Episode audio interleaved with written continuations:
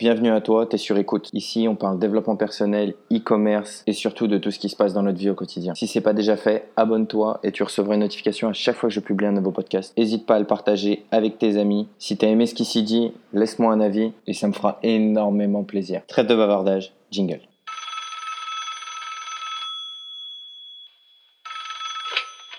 Allô, c'est toi? Quitte pas, t'es sur écoute.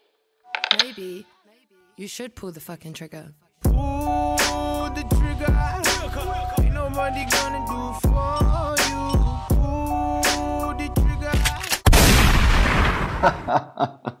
J'adore cette intro, je l'adore, je l'adore, je l'adore. Alors je sais pas toi, mais moi j'ai un coup de cœur pour cette intro. Je sais pas si elle représente du tout ce podcast, mais elle me met en, je sais pas, en transe pour te parler. Et du coup, bah voilà, parfait. Si je dois être vraiment honnête avec toi, euh, j'ai passé quand même pas mal de temps à trouver la bonne musique, le bon boom et tout ça. Euh, Au début, c'était une musique électro, je l'adorais, pareil, elle me mettait en transe. Bah, D'ailleurs, là, tu vois, euh, je l'ai dans la tête.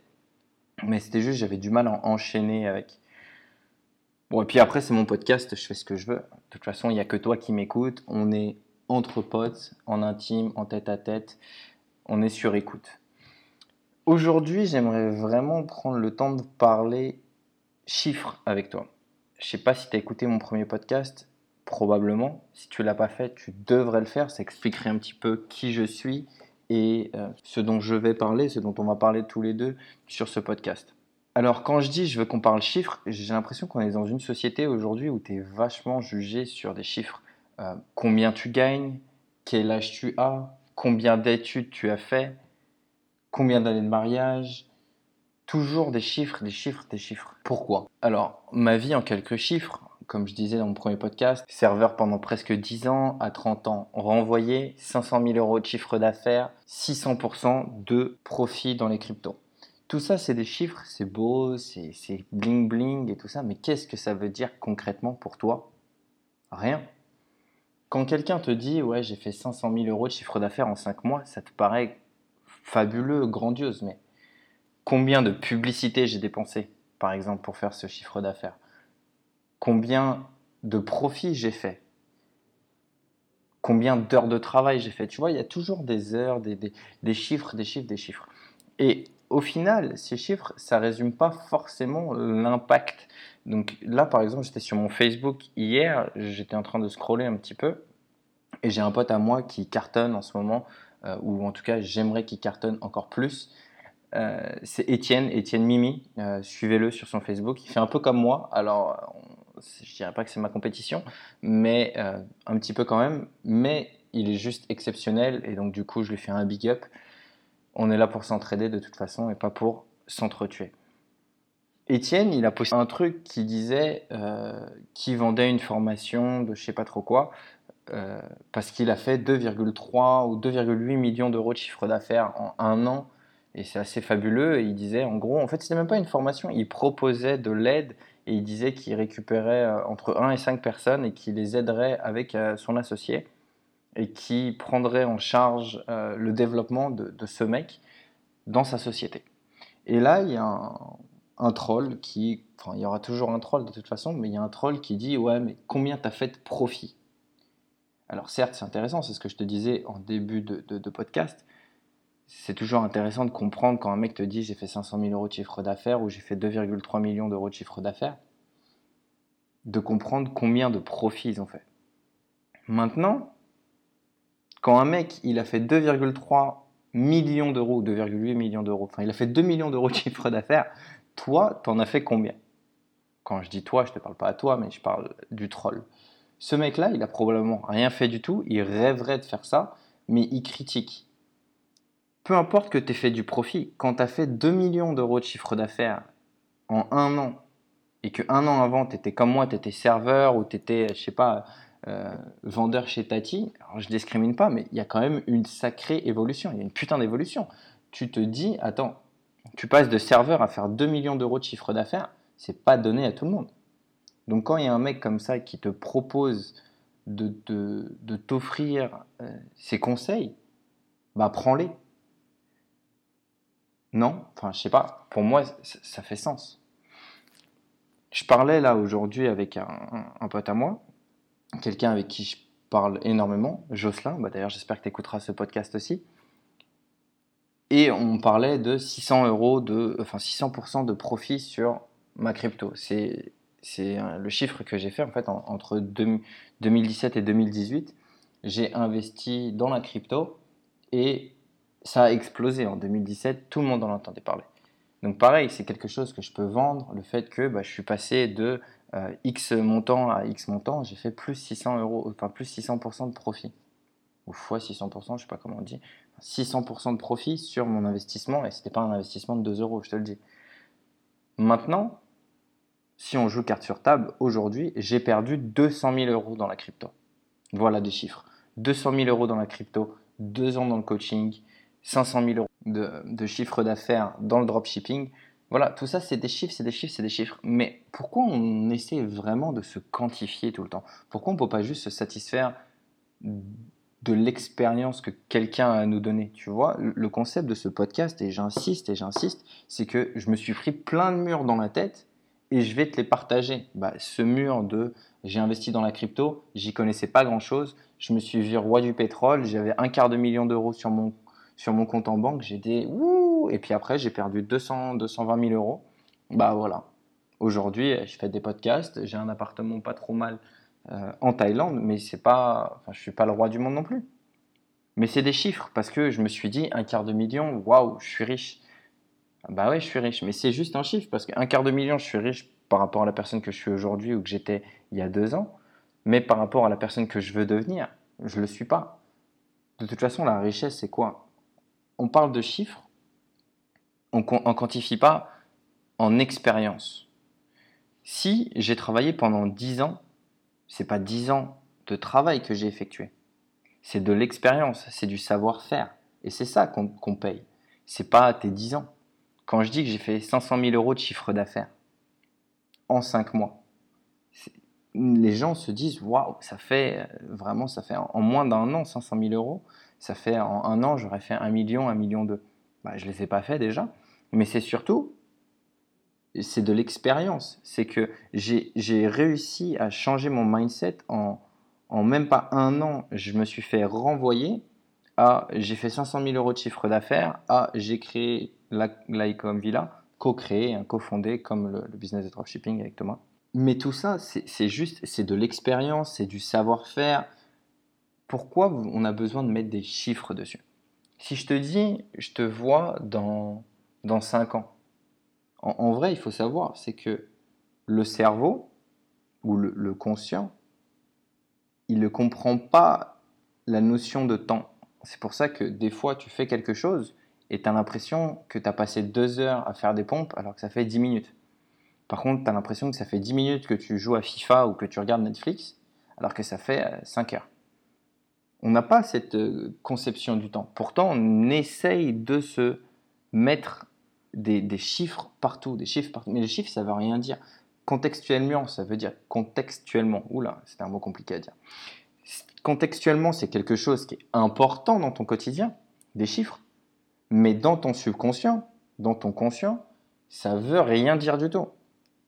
Par contre, la vraie valeur, c'est le savoir-faire, c'est l'expérience, c'est la connaissance et c'est le temps. Parce que au final, quand, je te parle de temps, je te parle pas de une heure, deux heures, trois heures. C'est juste que quand tu as fait quelque chose et que ça n'a pas marché, il faut pas le refaire.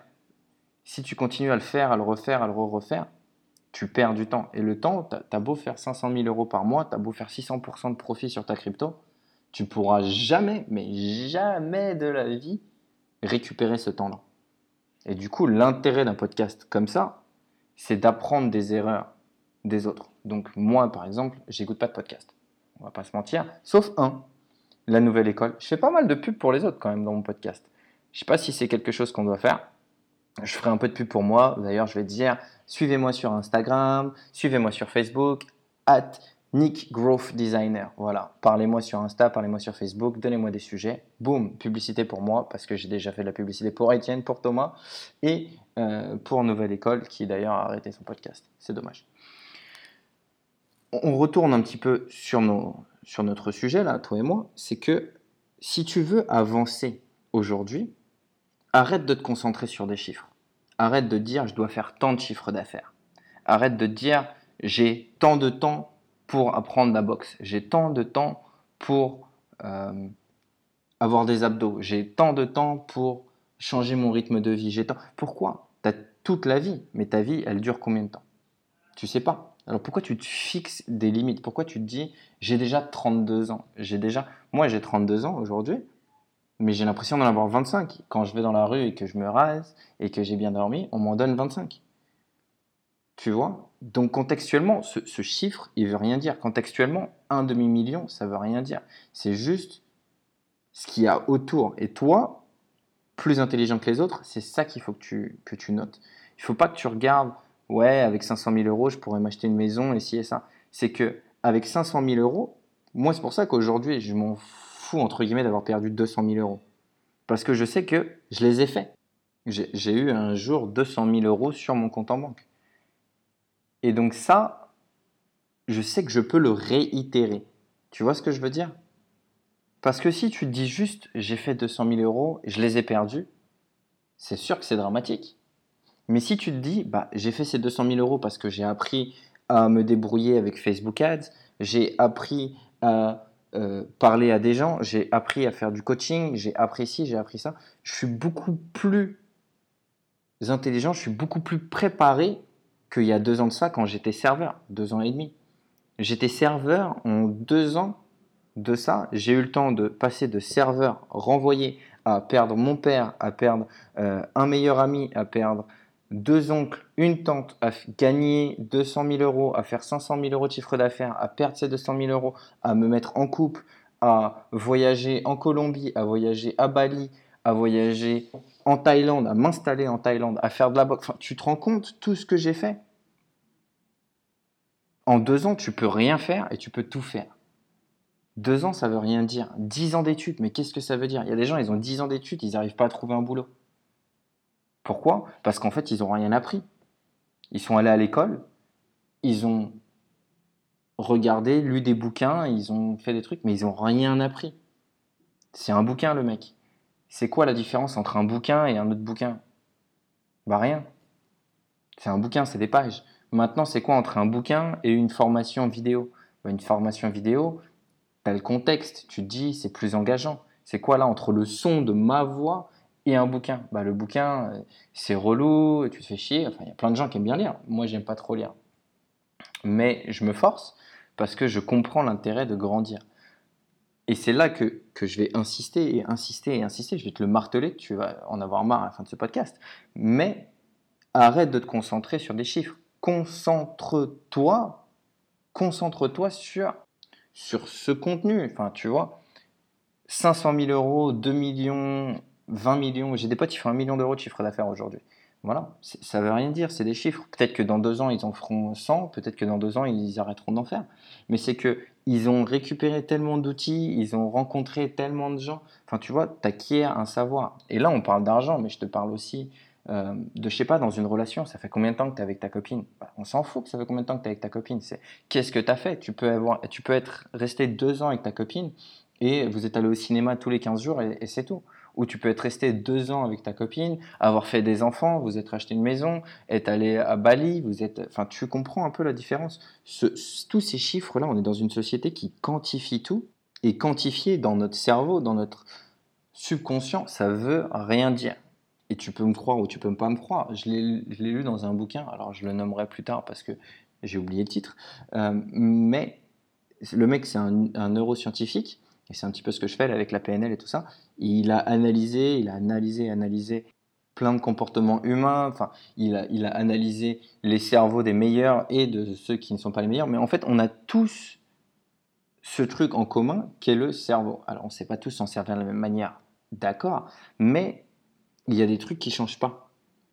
Et un truc qui change pas, c'est que, un, on ne comprend pas vraiment l'espace-temps, comme je, vais te le répéter, mais des fois, je te dis, euh, vas-y, j'arrive dans 10 minutes, et au final, je vais arriver 5 minutes, et je vais attendre, et je vais dire, t'es en retard, ou je vais arriver une demi-heure en retard. Et voilà, parce que se dire 5 minutes, si t'as pas une montre ou quelque chose qui te rappelle tout le temps, tout le temps, tout le temps l'heure qu'il est, tu vas jamais pouvoir te placer. Normalement, le corps humain, il est fait pour se baser sur une journée de 25 heures déjà. Donc tu vois à quel point c'est on est foutu. Mais en plus, les chiffres dans notre esprit, ça veut vraiment rien dire. On n'est pas. Quand quelqu'un te dit je suis, moi je suis bon avec les chiffres ou je suis bon en maths, c'est pas vraiment ça. C'est juste qu'il est fort dans certaines techniques et tout ça. Mais en soi, c'est pas concret. Parce que pour retenir, on va partir un petit. Allez, vas-y. On part en scientifique. Mais pour que ton esprit retienne quelque chose, il est obligé de l'assimiler à quelque chose d'autre.